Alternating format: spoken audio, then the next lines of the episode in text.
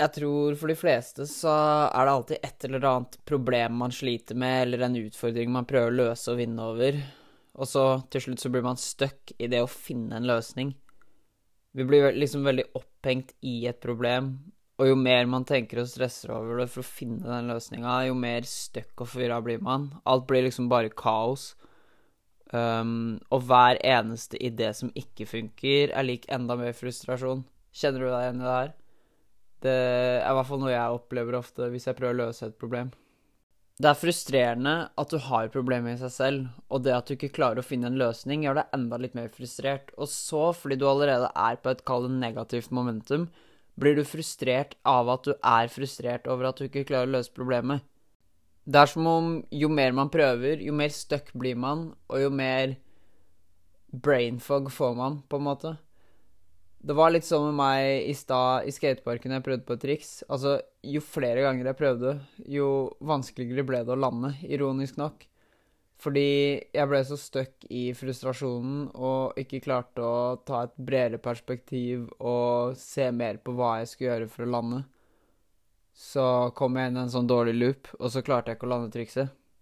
Ofte når man prøver å få til noe og klare noe, så har man en viss forventning til hvordan man skal gjøre det på forhånd, og man kan kanskje bli litt opphengt i den forventninga og bli overbevist om at det skal fungere på akkurat den måten.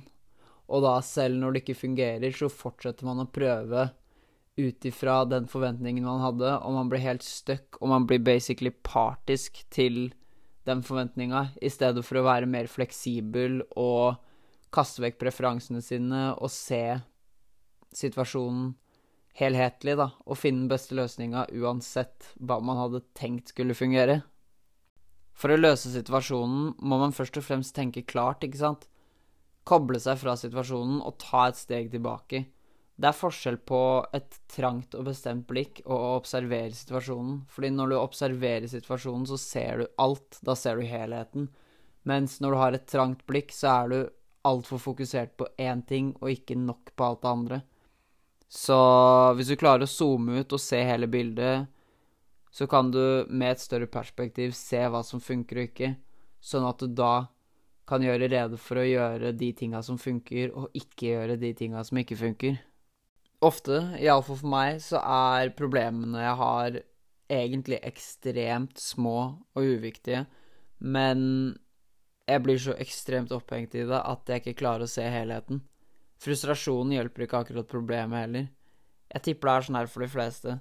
Bare se helheten og finne ut hva målet er, hva som skjer når du faktisk har løst problemet, sånn at du vet hvor du skal. Deretter kan du finne den bestemte løsninga for det her problemet. Se det fra et større, helt nøytralt perspektiv, så tror jeg du har kommet langt bare med det. Det var dagens episode. Jeg håper du likte denne episoden her. Hvis du gjorde det, så please del den rundt til venner hjelpe med å spre podkasten, og gjerne gi som five star review hvis du ikke allerede har gjort det. Det hjelper veldig mye.